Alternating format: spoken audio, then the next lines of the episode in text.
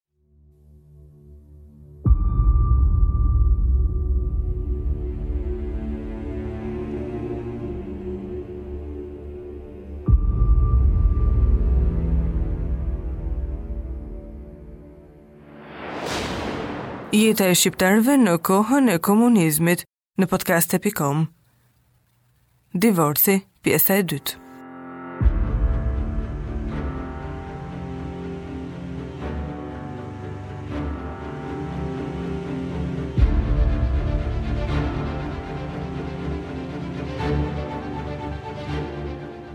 Përsa i përket martesave të zgjidhura, 845 burra dhe 862 gra e kishin martesën e parë. njëqind e tetëmbëdhjetë burra dhe njëqind e katër gra, martesën e dytë, shtatëmbëdhjetë burra dhe katërmbëdhjetë gra, martesën e tretë, ndërsa për sa i përket jetëgjatësisë së këtyre lidhjeve, konstatohet se njëqind e tre martesa të zgjidhura ose dhjetë për qind e tyre, kishin zgjatur vetëm një vit, shtatëqind e dyzet e katër ose shtatëdhjetë e gjashtë për qind vetëm nëntë vite dhe njëqind e tridhjetë e katër ose katërmbëdhjetë për qind mbi nëntë vite. Ky është një argument që tregon se tendenca e rritjes së numrit të divorceve kishte ardhur duke u rritur në vitet e regjimit komunist. Pretendimet e autoriteteve zyrtare të kohës se shkaqet kishin ekzistuar para ardhjes së komunistëve në pushtet nuk është i vërtetë. Kjo sepse statistika e vitit një mijë e nëntëqind e pesëdhjetë e katër e shpreh qartë se shtatëdhjetë e gjashtë për qind e martesave kishin zgjatur vetëm nëntë vite. duke konfirmuar faktin se ato ishin lidhje që ishin realizuar në vigjilje ose pas vendosjes së regjimit komunist. Në krahasim me vitet e mëparshme, Ministria e Drejtësisë konstatonte se ishte ulur numri i martesave të zgjidhura brenda një viti, por ishte shtuar ajo e martesave të zgjidhura brenda nëntë viteve.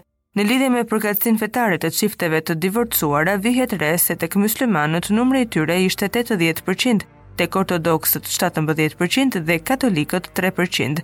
Këto përqindje reflektonin në përpjestim të drejtë strukturën religjioze të popullsisë shqiptare. Në emër të emancipimit kulturor dhe moralit socialist, autoritetet zyrtare të kohës, në përputhje me kodin e familjes, i shpallën luftë fenomenit të poligamisë. Në fakt, ky fenomen nuk ishte shumë i përhapur dhe kishte arsyet e veta sociale të cilat buronin edhe nga tradita zakonore shqiptare. Kështu ishin të rralla rastet kur bashkëjetesa me një grua të dytë e cila nga shteti konsiderohej ilegale, ishte realizuar me miratimin e bashkëshortes së parë.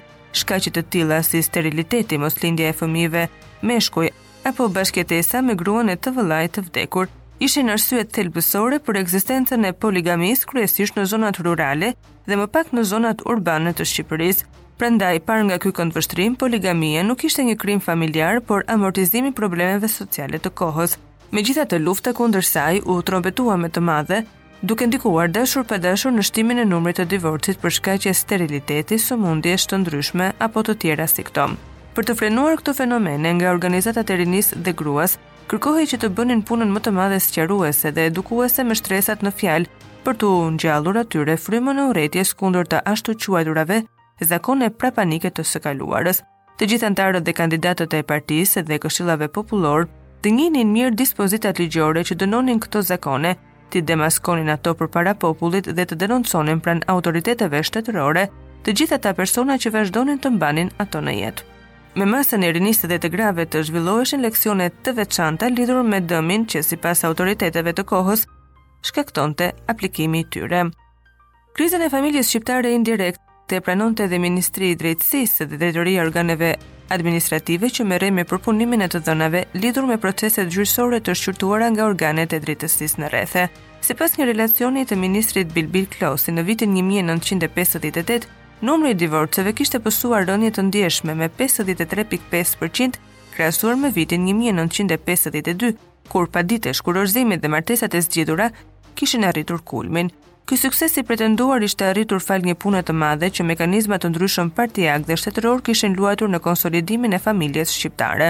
Megjithatë, të metat e konstatuara dhe puna që mbetej për t'u bërë ishte mjaft e madhe, Kjo pranohej edhe nga vetë ministri i drejtësisë, por në vend që ai t'ia hidhte fajin faktorëve objektivë që kishin ndikuar në shtimin e divorcit, theksonte se duhej intensifikuar veprimtaria për luftimin e zakoneve prapanike, mentalitetin e vjetër mbi martesën dhe familjen, nën influencën e të cilave lidheshin shumë çifte.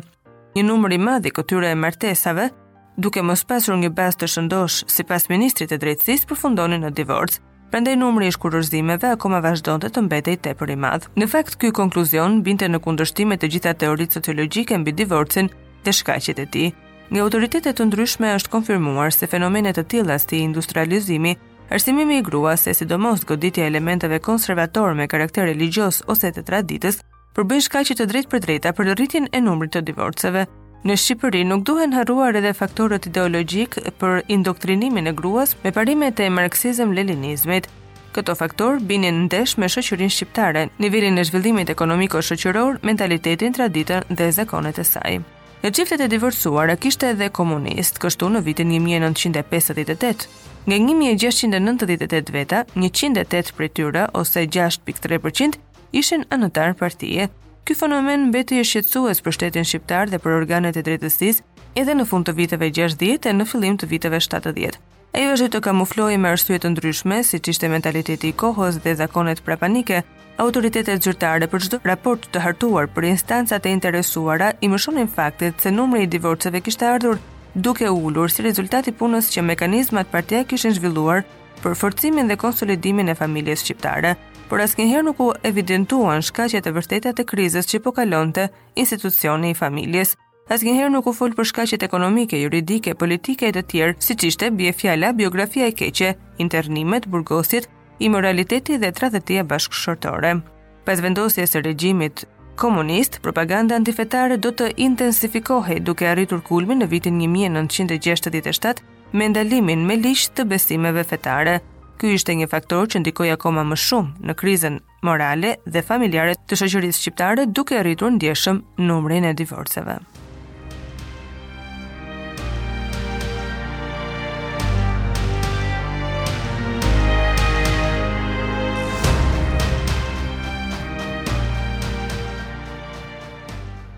Shqipëria në kohën e komunizmit, një produksion i podcast.com.